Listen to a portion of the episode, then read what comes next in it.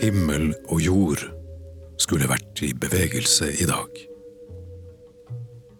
Han lovet at det var i dag det skulle skje. Jeg kommer ved sekstiden, sa han.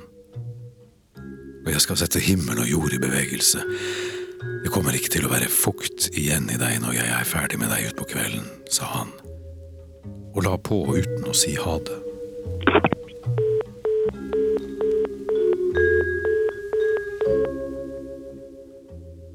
Akkurat som på amerikansk film.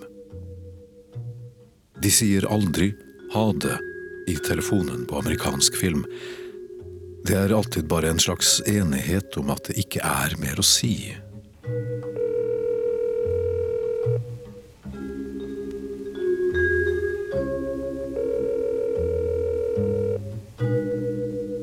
Alt man trenger å gjøre, er å legge på. Uten et ord. Det kommer et kort klikk, og så er samtalen over. Men klokkene i leiligheten hennes er over ni på kvelden nå. Himmel og jord er slett ikke i bevegelse. Og hun er så våt av all ventinga at det blir en mørk, fuktig stripe foran på hipsteren som hun har beholdt på.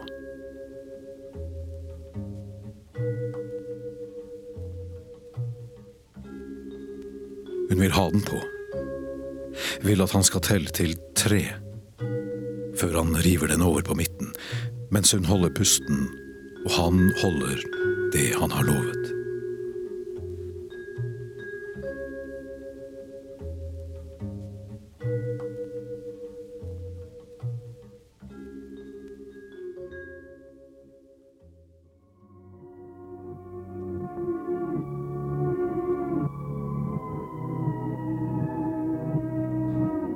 Hun venter til klokka er halv ti, kvart på ti, fem over halv elleve, og helt nøyaktig klokka tre minutter over halv tolv onanerer hun så vidt, er bare borti med den ene fingertuppen helt øverst.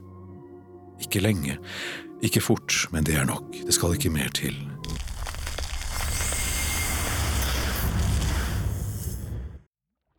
Hun kjenner at orgasmen tar tak på steder der den ikke skal feste seg, det er et sted inne i tinningen på venstre side, der det sitter en sorg fra gammelt av.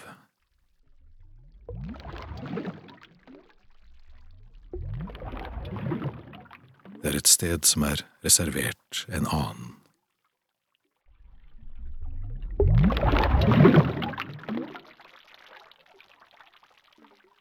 Ved halv ett-tiden sovner hun til lyden av fottrinnene hans i etasjen over, når han henter ungen som skriker.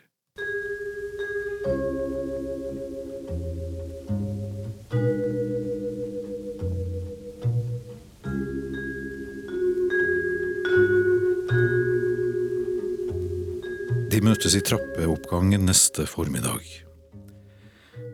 Du, du kom ikke i går, du gjorde ikke det hvisker hun i forbifarten, mens han står med hånden nedi postkassen og skal til å lukke døren.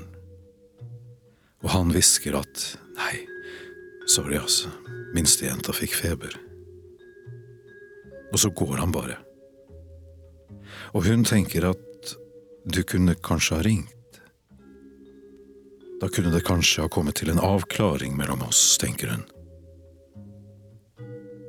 Men så tenker hun at dette kan være et av disse amerikanske øyeblikkene der man bare legger på uten å si ha det, og at dette er den norske trappeoppgangsversjonen av det.